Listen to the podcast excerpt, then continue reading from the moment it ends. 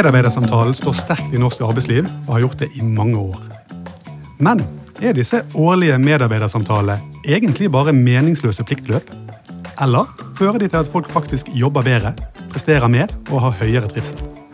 Dette er noen av spørsmålene vi stiller oss i denne episoden. Og for å få noen gode svar, så har vi invitert forfatter og daglig leder for Business Mastering AS, Rune Semundset i studio. Velkommen til deg. Takk for det. Og vi har fått besøk av leder for strategi og kultur og HR i VK Entreprenør, Hilde Glenne. Velkommen. Tusen takk. Mitt navn er Cato Lorentz, og du hører på På jobben. Podkasten som tar for seg det meste av det som skjer på en arbeidsplass. Ja, Rune, velkommen. Mm, takk. Du, eh, du, har skrevet bok, du, Rune. Og du har skrevet en bok som heter Medarbeidersamtalen 2.0. Mm. Og eh, enda mer så eh, kan vi si at han heter Fra gammeldags pliktløp til moderne medarbeidersamtaler. Høres ut som en spennende bok. Jeg har ikke lest den selv, jeg har bare skrevet den. ja, Jeg har lyst til å spørre deg, for jeg har sett at du har sagt tidligere at medarbeidersamtale det er en mulighet. Mm. På hvilken måte? mulighet til å komme litt tettere på hverandres behov i relasjonen leder-medarbeider.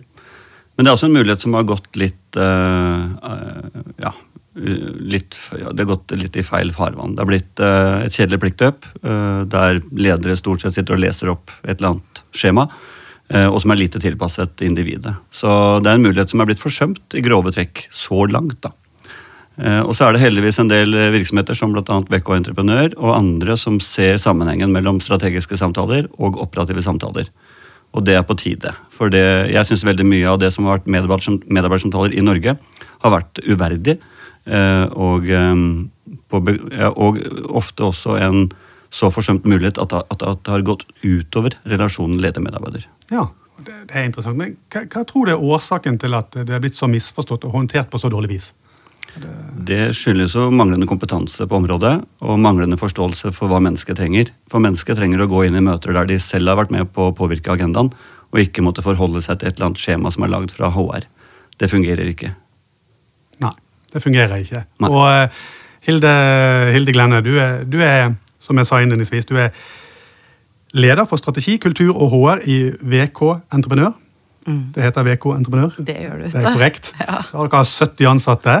Og eh, Før sommeren, det var vel på våren en gang, mm. så leste jeg et eh, oppslag i Aftenposten som sa at eh, de pleide å ha en årlig medarbeidersamtale. Der bedriften kuttet ut, så skjedde det noe med sykefraværet.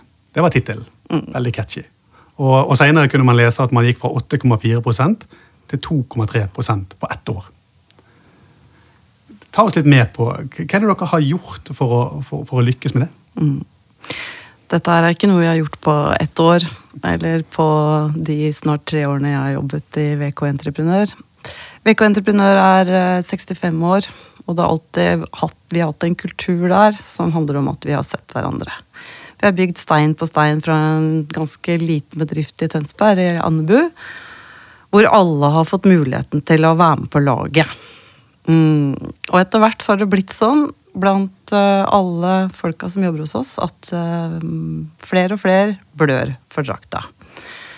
Uh, når jeg var så heldig å komme inn da i selskapet, så, så tenkte vi at nå tror jeg kanskje det er på tide at vi systematiserer denne kulturen som vi allerede har lagt et fundament for. Og da med lang erfaring fra lederutvikling før, og også ledelse, og også teaterregi for mange, mange, mange år siden, så var det ikke så veldig vanskelig å sette i gang da med et lederprogram. Hvor vi begynte å jobbe med dette med samtaler. For det er ikke bare å sette i gang og prate med folk. Eh, det ligger et stor sårbarhet i det mellomrommet der, mellom leder og medarbeider. Og du som leder skal vite på hvilken måte er det du tar med deg medarbeideren din på den reisen som handler om utvikling. Så det er mange ting som ligger i det her. Jeg kan godt si litt mer om det etterpå. Det gleder jeg meg til. Mm. Uh, men det er klart at når vi systematiserte det å se folk, og gjorde det i form av utviklingssamtaler, mm. så skjedde det virkelig noe. Og vi har ganske bredt lag av folk. Vi har alt fra høykompetente ingeniører og økonomer mm. til fagarbeidere. Og til lærlinger. Så dette er en bredde, men så er det bare sånn at folk er folk. Og er du glad i folk- folka dine, så klarer du å systematisere det også. Ja, var det, var, det, var det en vanskelig endring å få til når du, når du kom inn i bedriften? Eh, med å på en måte bryte litt med det tradisjonelle måten å gjøre det på, og, og få systematisert det? Eh, ja, det er vanskelig. Fordi det er sårbart. Fordi det er faktisk utfordrende. For det er veldig lett å ha eh, systematikk og måloppnåelser på det som er helt konkret. KPI-er og sånn. Men det å måle folk på atferd og kultur, det er utfordrende. Og derfor så satte vi også i gang da med et internt eh, lederutviklingsprogram som vi, har, som vi nå fortsetter med. Og for det begynner hos ledelsen. Ja. Det er ikke noe du bare kan sette i gang med svusj, svusj. Det tar lang tid.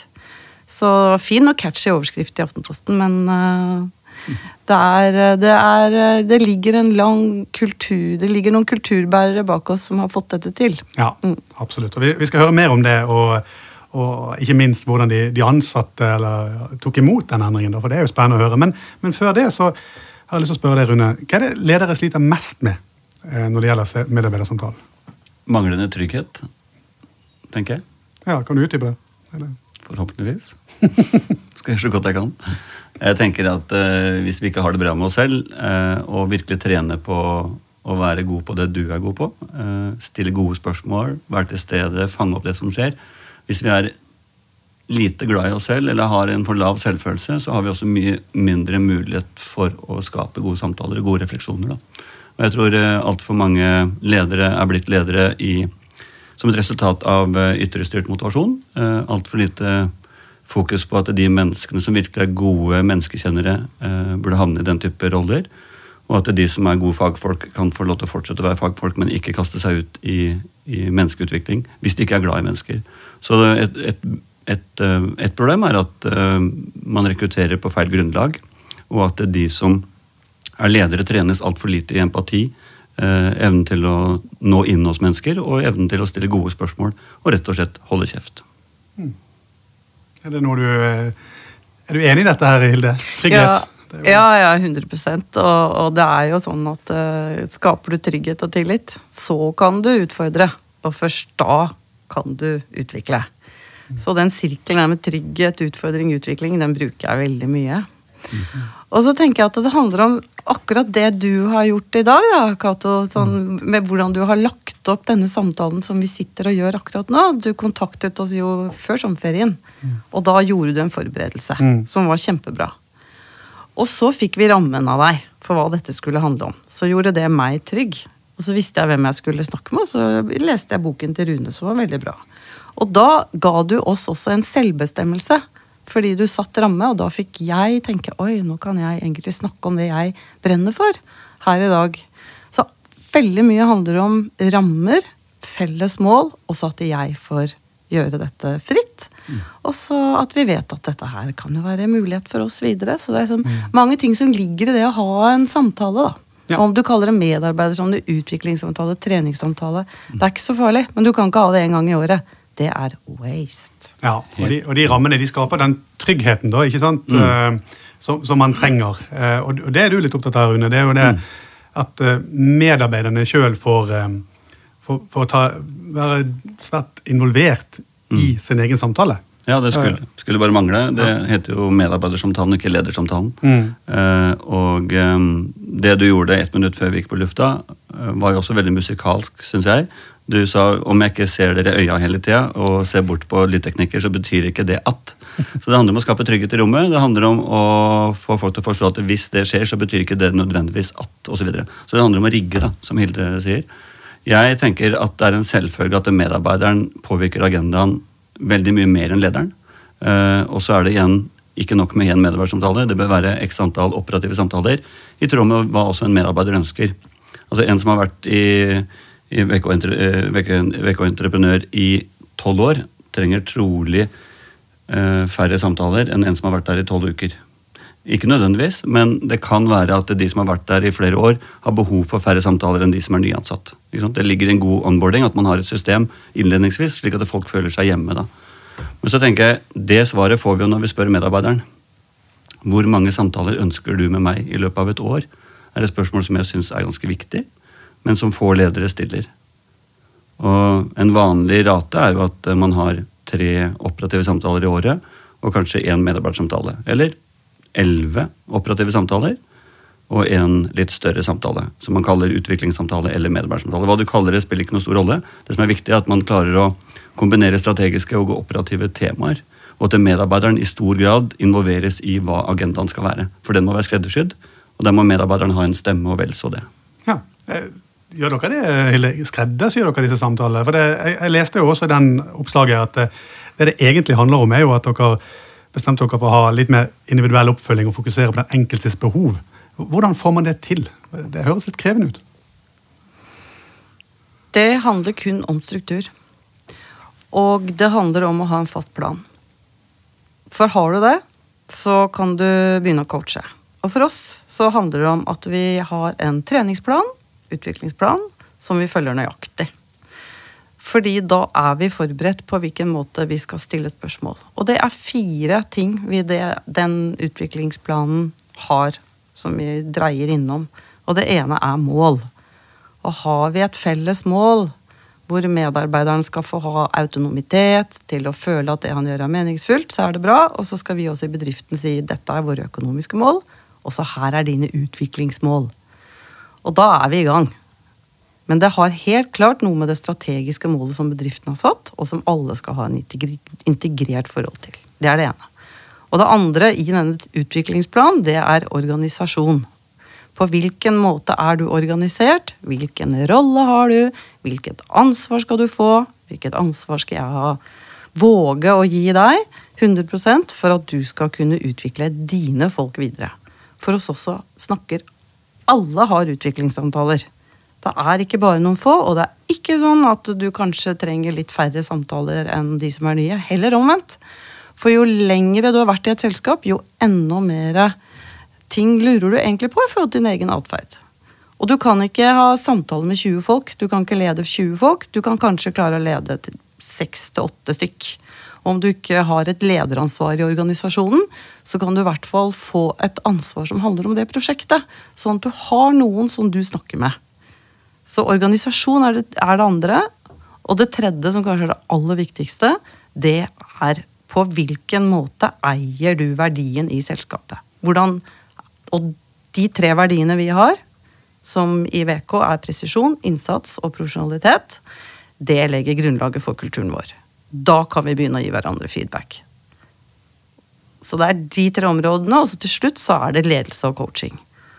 Og jeg er av den oppfatning at jeg mener at du kan ikke som leder ha en medarbeidersamtale, utviklingssamtale, uten at du kan coaching. Og det betyr at du vet hvordan du skal løfte folk opp i utviklingstrappa. Mm. Ut av komfortsonen. Og, og, det er vel eh, Det siste der er vel en del ledere som har noe å hente på, da. Ja. Eh, vil jeg tro. Kan det, kan det, læres? Ja, det kan læres. Det kan læres uh, helt klart. Og jeg har noen veldig interessante samspill nå. Vi jobber med samspillsentrepriser mye i Norge nå. Og i en rapport som Bygg21 har, har skrevet, så har de bl.a. et råd nummer to hvor det handler om relasjonskompetanse. For det er faktisk veldig mange høyt utdannede folk i Norge som ikke helt vet hvordan de skal jobbe relasjonelt med ledelse, med coaching, med reell utvikling. Og det er nå engang sånn at det er kun gjennom den utviklingen at du får de gode resultatene. Så der har vi litt å jobbe med, og det er fantastisk gøy. ja, spennende å høre på. Um, Rune, du um, Jeg er litt fristet til å spørre deg om bør, bør man i mye større grad kreve noe av medarbeiderne for å ta ansvar for disse samtalene. For Veldig ofte så opplever jeg at leder har ansvar. De skal sørge for at de blir eh, satt opp og gjennomført, og så skriver de referat, og så den vanlige tralten. Men man kan jo også tørre å si at medarbeiderne har mye, ja, de, mer, de bør involveres mer, men de bør også stilles mer krav til mm. i for sin egen samtale. Ja, det er jeg helt enig i. Det, det, er veldig mange medarbeidere som har veldig mange krav til lederen sin, og forbausende få krav til seg selv. Så den ubalansen jobber nok Hilde og jeg med hver eneste dag. Uh, og um, lederen kan godt vise hvor vannet er, men du må drikke vannet sjøl og ta litt tak. Jeg tror dette med autonomi, som Hilde har vært inne på, det å gi folk klare rammer for hva de skal vokse innenfor, og hvordan de kan bidra til å nå strategiske mål, er vesentlig. Sånn at alle ser seg sjøl i sammenhengen, i den større sammenhengen. da. Og så tror jeg ikke alle kan ha 100% tillit, fordi tillit er noe du må gjøre deg fortjent til. Og det å kalibrere tillit i hver enkelt relasjon er i seg sjøl litt sånn grunnleggende for å lykkes med produktivitet og effektivitet og mestring. da. Mm. Så jeg tenker at det handler om å stille spørsmål som gjør at folk innser selv at de skal bidra mer. Eh, og jeg var borti en inspektør på en videregående skole som hadde begynt å pensjonere seg tre år for tidlig. Og rektor var jo selvfølgelig helt fortvila, og han må du bare fikse, sa rektor. Så jeg sa jeg, jeg tror ikke jeg kan fikse han, men jeg kan stille han et par spørsmål. Og det spørsmålet jeg stilte han, det var eh, hva tenker du, Gunnar, når du skal gå av her om tre år? Vil du bli kalt unnaslenteren Gunnar, eller vil du bli kalt Gunnar som gikk av med flagget til topps? Og han valgte det siste. Og den jobben mener jeg lederen burde gjort sjøl, istedenfor å hente inn en konsulent. Eh, for det handler om å sette seg litt inn i hvilke spørsmål som skaper engasjement, da, og som skaper den innsatsen som er en av verdiene til VK Entreprenør. Mm. Ja. Hva, hva, er det som kan gjøre, tror du, Hilde, at, eh, at, at folk unngår å ta opp ting med medarbeiderne sine? At de på en måte ikke våger eller tør? Er det, er det frykt for noe? Er det, mm. Mm, klart det er det. Uh, bare lyst til å først altså, fortelle ja. undersøkelse som har blitt gjort på norsk arbeidsliv. En italiensk undersøkelse som ble gjort på nordisk arbeidsliv, så kaller de da nordmenn generelt at vi har sånn pain avoiding. Mm. Og det er vel fordi at vi ikke gir hverandre så veldig mye tydelige tilbakemeldinger. Så og det er mange konsulenter som blir rike på å snakke om eh, den vanskelige samtalen. Og da kjenner jeg at det her er helt håpløst. Fordi hva er ros? Hva er ris? Hva er den vanskelige samtalen? Hva er den lette samtalen? Du møter deg selv i døren hele tiden. Ikke sant? Som jeg sa innledningsvis, da. Du kan ikke gå inn i en medarbeidersamtale uten at du selv har tatt på deg oksygenmaska først, før du gir det til medarbeiderne dine eller barna dine på fly. Eh, så det er sårbart, og det er vanskelig. Og vi er redde for det. Vi er redde for det i Norge, det er gjort undersøkelser på det, og vi syns det er utfordrende. Fordi vi møter noe i oss selv som handler om vår egen, våre egne emosjoner, våre mm. egne følelser, våre, ja, alt som er av det vi har i oss selv, som jo kan være mye forskjellig rart. Uh, og så er det så likt for alle. Så det er bare til å spørre du, er det greit at uh, vi kan snakke om dette? Hva tenker du om det? Og så ha rammer for det, da. Og så, hvis jeg bare kan si, så handler det om to ting, mener jeg, da. I hvert fall når vi skal ha sånn planlagte samtaler. Og det ene er jo denne medarbeidersamtalen, eller utviklingssamtalen, hvor coaching er, er helt klart en kjempeviktig eh, metodikk. Men så er det dette med feedback som du kan gjøre ved kaffemaskin eller, eller, hvor som helst, eller etter et møte. Men da må du først liksom spørre er det greit at jeg gir deg denne tilbakemeldingen. Og så hvis det er greit, så har vi da disse verdiene våre da, som vi jobber med, som er fundamentet for å gi feedback. Og det er at vi alltid ønsker at alle skal utvikles positivt. Og i det så kan det være vanskelig. For da må du spørre er det greit at jeg gir deg en tilbakemelding på at uh, du ser oss ikke inn i øynene når du, når du skal legge fram den rapporten. Mm. Eller stemmen din er forferdelig pipete. Dette her er vanskelige ting å snakke om, men så må man på en måte gjøre det sånn at vi føler at vi skal jobbe videre med det. Ikke stikke av, da. For vi sier at vi skal gi 100% ansvar. Det høres veldig greit ut. Da får du det ansvaret, og så drar jeg. Det er jo da jobben begynner etter at du har gitt en tilbakemelding. Mm. Og så tenker jeg også at De verdiene dere har, det handler ikke, handler ikke bare om ingeniørverket, det handler også om presisjon i relasjonen. Ja. Og da kan vi jo spørre oss som relasjon eh, hva trenger vi for at vi skal fungere bra sammen? Mm. Hva trenger vi for at denne samtalen skal bli god? Istedenfor å bare spørre hva trenger du, så kan vi spørre hva trenger vi for at dette skal bli bra. Ja, helt klart. Mm. Og så må vi utfordre hverandre. På hvilken måte tenker du at jeg ikke ikke funker helt nå, for nå kjenner jeg at jeg som leder er litt bakpå. Hva tenker du om det? Nei, jeg syns at det er fint. Nei, hva tenker du? Hva, på mm. hvilken måte? Hva, så må du liksom grave, da. Mm. Hva er det som gjør at uh, dette her ikke helt funker nå? Og da må du som leder også være veldig åpen for å endre deg. For endring, det er jo det vi holder på med hele tiden. Det, det slår meg her når, vi, når jeg hører på dere, for det, det er kjempeinteressant. Men det, det slår meg at det, er en sånn miks her av det man trenger. Man trenger ledere som på en måte har de rette egenskapene til å kunne ta denne coachingen. Men jeg har lyst til å spole litt tilbake inn til det du sa, jeg tror det var punkt nummer tre, men dette som går på kultur. Og hvis, hvis ikke ting er på plass eh, på arbeidsplassen ellers dette Vi snakker om trygghet, vi snakker om tillit, eh, store ord som eh, er viktige på en arbeidsplass. Men disse tingene må jobbes med parallelt for å sørge for at du helt tatt kan ha en samtale som er reell med en medarbeider. Ikke sant? Og, det, og Hvordan jobber man med det? holdt jeg på å si? Det er jo eh, sikkert mange måter å gjøre det på, men hva gjør dere i VK? Vi har lederutviklingsprogram. Ja. Vi jobber med lederne. Det kommer fra ledelsen. Det kommer, he- det kommer fra styret, det kommer fra eierne, det kommer fra lederne. Og når da vi er enige om at vi skal jobbe med kultur, at vi skal jobbe med atferd, at vi skal jobbe med tillitsbasert prestasjonsutvikling, ja vel, så gjør vi det, da. Og da er det bare til å holde på hver dag, aldri gi seg. Fordi det er en pågående prosess, og at kulturen ligger i veggene, er bare tull. Det ligger i oss. Det ligger i oss. Mm. Helt enig. Det det er Altså, godt å altså- høre på her. ikke Ja, det er veldig godt å høre på. Jeg jeg er så glad for også at eh, VK har skjønt at dette med tillitsbasert ledelse og det å sette individuelle mål henger på greip, og ikke bare på greip. Hvis folk ikke utfordres til å sette egne mål, så er det et fåtall som gjør det. Eh, I Norge i dag så er det eh, mer enn 90% som tenker at det er lurt å skrive ned målene sine, og så er det færre enn 10% som gjør det. Det er et ganske åpenbart avvik. Og jeg tenker at uh, tillitsbasert ledelse og det å sette mål henger så til de grader eh, sammen. Og at ledere må utfordre medarbeidere til å hoppe ut av både flytsone og komfortsone og opp i det vi kaller vekstsonen, der du lærer noe nytt. Du kan ikke være der hele tiden, for da blir du sliten. Du må tilbake igjen til komfortsonen og flytsonen.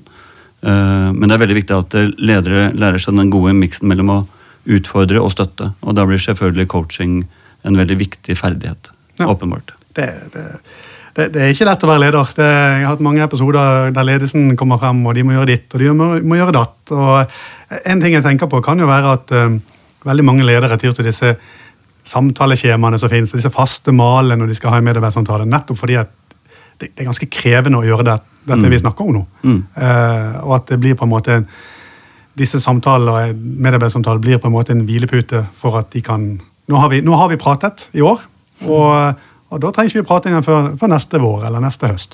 Er det, er det sånn de, det drives rundt omkring? Dessverre enkelte steder, ja. Ja. Eh, Skrekkeksempelet er fra en offentlig institusjon der eh, lederen stilte følgende spørsmål, som jeg syns er ganske kjedelig. eh, Så vær oppmerksom på sterke sender her nå. Eh, Her kommer det. Direktøren spurte medarbeideren hva synes du om vår HMS-strategi. Og mens medarbeider svarte, så sovna faktisk denne direktøren. Og dette er ni år siden, og de snakker om det fortsatt. Det er jo et skråbilde, selvfølgelig, men, men det, er, det er dessverre slik at eh, de fleste medarbeidersamtalene er ganske meningsløse i dag. eh, Og at det er, um, at det er eh, rett og slett et opplegg som ikke er gjennomtenkt. Da. Det, er, det er lagd av inkompetente HR-folk og ledere som ikke har forstått helt hva medarbeidersamtaler er. Det er sterke ord. Men det, og det, og det, du, har sikkert rett. Og det, og det er jo, eh, men som jeg sa, det blir ofte en hvilepute. Og det som er litt sånn skremmende her, er jo at når de du har gjennomført denne samtalen ut ifra et, en mal eller et skjema som kanskje er litt avleggs og litt gammeldags, Mm. så har de på en måte gjort jobben sin nå. Mm. Så, så liksom denne daglige eller månedlige som dere eh, Jeg husker ikke hvor lenge- ofte dere har det, men, men den hyppige samtalen den på en måte forsvinner litt som et resultat av at vi har tross alt gjort den årlige. Mm. Det, det er litt skremmende, ikke det, Hilde? Det, og det var det Jo, dere jo. gjorde noe med. Ja, altså Hvis du ønsker å tjene penger, så, så må du få medarbeiderne dine med på laget. Og hva gjør du da? Du må trene. ja. Og da må du ha en treningsplan, og så må du ha en som trener deg, og så må du ha et lag som funker, og så må du brenne for drakta, og så må du levere. Og det er ikke noe annet enn det. Og jeg tenker at øhm, det er ikke så vanskelig å være leder. Du må bare ikke lede så mange av gangen. Og så må du vite målet. Og så må du snakke om hva er det vi skal oppnå sammen. Og så tror jeg ikke at vi skal gå rundt og tro at vi får til å bli kjent med alle og holde på med sånt sosialkontor. Vi skal være ganske tydelige på hvor er det vi skal, og på hvilken måte skal du og jeg trenes til å komme dit. Mm. Så det er eh, tøffe tak. Sånn er det å komme fra teaterbransjen. Da må du levere. The show must go on uansett. Mm. Og der er man jo helt avhengig av hverandre. Og Ja. jeg tenker at folk også kan coaches eh, horisontalt av, av kolleger. Så jeg tror veldig på makkerordninger eh, og én-til-én-samtaler med folk som er på samme nivå i virksomheten. At det ikke bare skal være en vertikal samtaleform, type leder-medarbeider, men også horisontalt. Eh, og da er det lettere også for folk å, å dele sine bekymringer, for det har vi jo alle. Å være et sårbart menneske. Amy Edmundsen har jo lagd et opplegg som heter Psykologisk trygghet. Hun er jo den største rockestjerna innenfor eh, ledelsesfaget i verden i dag. Og eh, har, eh, har eh, fokusert på hva som gjør at vi kan komme på jobb som vi er. Og da trenger vi både kolleger og ledere som evner å snakke om nettopp dette og gjøre det trygt. Og komme med både bekymringer, men også drømmer og mål. Og da tenker jeg, For å nå mål så er det veldig viktig at vi stiller hvorfor-spørsmål. Altfor mye coaching er, for mye, er i for stor grad på hva og hvordan. Eh, når vi går litt i dybden og spør hvorfor er dette viktig for deg, Cato, så øker også lysten og, og, og behovet for å nå dette målet. Så månedlige samtaler syns jeg er kjempefint. Eh, og jeg vil nesten si, hvis jeg skulle velge, så ville jeg heller hatt månedlige samtaler eh, eh, og null medarbeidersamtaler enn én medarbeidersamtale og null operative samtaler. Mm. Men begge deler er, er fint. Ja, og du, og du, Rune, du, du kom her i sted med et eksempel på et kanskje ikke så veldig bra spørsmål. Eh, Hva syns du om vårt HMS-plan? var det det? Ja, Hva syns du om vår HMS-strategi? Ja, eh, men, men hva er et eksempel på et godt spørsmål i en type medarbeider, en strategisk medarbeidersamtale? En utviklende medarbeidersamtale? Kan du De som lytter på, har sikkert lyst til å, å krysse ut dette gamle spørsmålet med noen nye gode. Er det, Det er et godt spørsmål, Cato. Eh, og da har jeg et luksusproblem, for jeg har, eh, jeg har laget en liste med ca. 1200 spørsmål som ledere velger fra når de skal få inspirasjon til å lage dette skjemaet på nytt, sammen med tillitsvalgte, sammen med medarbeidere. Og Et av de spørsmålene som er veldig populære der, det er eh, hvis jeg var din sjef, Cato. Ja. Det hadde jeg forresten hatt, hatt veldig lyst til. smisk, smisk. Eh, hvis du hadde vært min medarbeider, så hadde jeg stilt deg følgende spørsmål. Du, Hvis 2020 skulle bli ditt aller beste jobbår, hva er annerledes da? Eller hvilken kompetanse er det du har, Cato, som er viktig for deg, men som du i liten grad får brukt? ja. Eller hva er en kompetanse som Hilde har, som du er nysgjerrig på, og som du også skulle ønske at du hadde, og som du kan trene på for å bli like god som Hilde? Den type spørsmål tenker jeg skaper gode strategiske samtaler. ja, nei, men det var, det var gode spørsmål. Takk det, for det. det må jeg få lov å si. Takk for det. ikke du enig, Hilde? Jo, fantastisk. Er det spørsmål eh, dere stiller i, i VK Entreprenør? Ja, ja, ja. På hvilken måte? Hva har du tenkt å gjøre med det? På hvilken måte kan vi På hvilken måte tror jeg sier ca. 1000 ganger om dagen. Ja. Er, er, er, er, er dere blitt tøffere mot medarbeiderne på, i, i samme, på en måte, samme slengen her? Stiller dere litt mer krav? Ja. Når det- denne hyppigheten på en måte med samtaler det, det, Ja, ja, helt klart. Hva, syns du Ikke om sant? Det å bli sett, det er bra, og så kan det jo være utfordrende for noen også. Mm. Så vi har jo gjort en organisasjonsendring samtidig. Det må sies. Uh, og det òg er bra, for det er en redelighet og en åpenhet i det òg. Både onboarding og offboarding og endring. Så det er eh, Ja, det er nok utfordrende for folk. Og så forsøker vi jo etter beste evne da, å utvikle ledere sånn at nettopp tillit oppstår. Og det kan ta tid, men det er noe med ikke gi seg på det. For det er først i det tillitsbaserte feltet at virkelig det er noe godt som skjer i, mellom folk. Mellom laget selv, som du sier, Rune, og også mellom de nærmeste leder. Og det er, det er virkelig en utfordrende Det vi snakker om nå, er vanskelig. Mm. Det er ikke bare utfordrende, det er kjempevanskelig. Og derfor så jobber vi jo på det med det hele, hele tiden. da. Men det å stå i det tror jeg er viktig. Ja. Tåle at du griner litt. Tåle at uh, man blir litt, uh, ser litt, liksom, blir litt følsomt engasjert i noe. Det er helt greit. Fordi vi må vite at vi har et potensial som menneske, og så har vi også et potensial i den rollen vi er vi, Den rollen vi har på jobben. Og er den rollen tydelig, og også det der mellomrommet mellom det private deg og den rollen du har på jobben. Det er kjempeviktig for meg at vi ser den forskjellen, sånn at vi kan liksom balansere da. Hvor mye har du lyst til å gi av deg selv i den rollen du har fått på jobben din. Sånn at vi sammen kan utvikle det beste resultatet. Mm. Men da dere gikk fra 8 til eh, Nå tar jeg litt over som eh, journalist her. vær så god. Da, da dere gikk fra over 8% og ned til totallet, hvilket er imponerende i seg selv. Eh, Du sier at det har vært vanskelig. Jeg lurer på hva har vært vanskeligst? Og hva har vært den viktigste grunnen til at det har gått så bra? Eh, Som sagt så er ikke dette gjort sånn altså Det var kjempefint med den overskriften, og vi har fått et veldig mye lavere sykefravær. Det går litt opp og ned i forhold til om man virkelig har brukket noe ben eller sånne ting. Men det er helt klart at vi har fått en annen kultur i VK, som handler om at vi har lyst til å være på jobben. Uh, og det er ikke vanskelig, men det er dette her med at vi ikke gir oss nå, da. Og at vi har en strukturert oppfølging på det. Hvor ledere og følger opp ledere som følger opp ledere som følger opp ledere. Sånn at det går helt ned til lærlingen. Og det kommer helt fra styreleder. Så det her er jo oppfølging. Kjempeenkelt. Og trappevasken starter øverst. Ja. Og den følger dere helt ned til det nederste eller øverste nivå. ja, alle har en like viktig rolle Mm. på jobben. Men hva har vært vanskeligst i denne prosessen? For det her tar jo tid. Kanskje tid. Ok. At vi er ikke ferdig, vi. Vi må bare fortsette. Mm. Så jeg, eh, men det som er vanskeligst, er jo det at vi har med mennesker å gjøre. Som er forskjellige hver dag. Mm. Mm. Så da har vi rammene. Vi vet hva målet er. Og vi har en ramme for utviklingssamtalene. Og vi har verdier som er banka fast. Mm. Så det Jeg må bare skyte ned, for Du, du snakket om tillit i sted. da. Jeg må bare spole litt tilbake til det, for det Mm. Ja. synes jeg er så viktig her. eh, Og hvordan skape tillit mellom ja. leder og ansatte. Mm. Sikkert mange måter å gjøre det på. Men en av de tingene, og det kan jeg høre med deg, Rune, er jo eh, tillit. Hvis, hvis, hvis jeg hadde vært i en medarbeidersamtale, og de hadde vært gode på, på det relasjonelle og coachingen og stille spørsmål og gode spørsmål, men så hadde jeg allikevel hatt en forventning om at det skulle skje noe. ikke sant? Eh, og en ting er at jeg hadde et ansvar sjøl til, den- til de målene vi har satt, men det må følges opp i en eller annen grad. Og det skaper også tillit til at det blir faktisk fulgt opp, og at det kanskje fører til noe. Og hvis det ikke fører til noe, så må vi i hvert fall vite hvorfor ikke det førte til noe. Er ikke den oppfølgingen ganske viktig?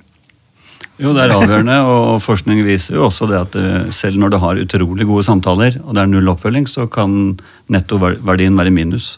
Eh, og det er jo tankevekkende. Og noe av grunnen til at jeg begynte med dette, det var at jeg jobbet i et IT-selskap. Det var gode samtaler, men det skjedde ingenting etterpå. Og det som skjedde med meg, det var at jeg tenkte kanskje samtalen ikke er så viktig, kanskje det vi snakker om ikke er så viktig, og aller verst, kanskje ikke jeg er så viktig. Og da rammes selvfølelsen, og jeg ble en skygge av meg selv i det selskapet. Og det, Jeg kan ikke legge all skyld på lederen, eh, men vår relasjon var ikke spesiell, eh, spesielt oppbyggende. Og da jobber man gjerne et annet sted etter hvert. Mm. Det var starten på medarbeidersamtalen 2.0. Ja, og jeg tenker i VK Entreprenørråd det er ganske forpliktende det dere gjør da, med å hyppigere samtaler, møte de individuelt. Eh, oppfølgingen må jo ta litt tid, eller kreve litt. Eller Eh, ja, og så mm, tror jeg at Eller for oss er det kjempeviktig at de samtalene ikke handler om de store tingene, men det handler om på hvilken måte kan jeg bli tydeligere med underentreprenørene våre i, på prosjekt Harbits. Det er helt konkret. Og da følger du opp. Nå så jeg at du hadde forberedt deg. Du visste litt mer hva elektrikeren skulle gjøre. Du var klarere i talen din. Ikke sant? Det er helt konkrete ting. Og så er det de mer overordnede målene på hvilken måte er vi på det rette valget som er visjonen vår. Det er liksom noe litt annet.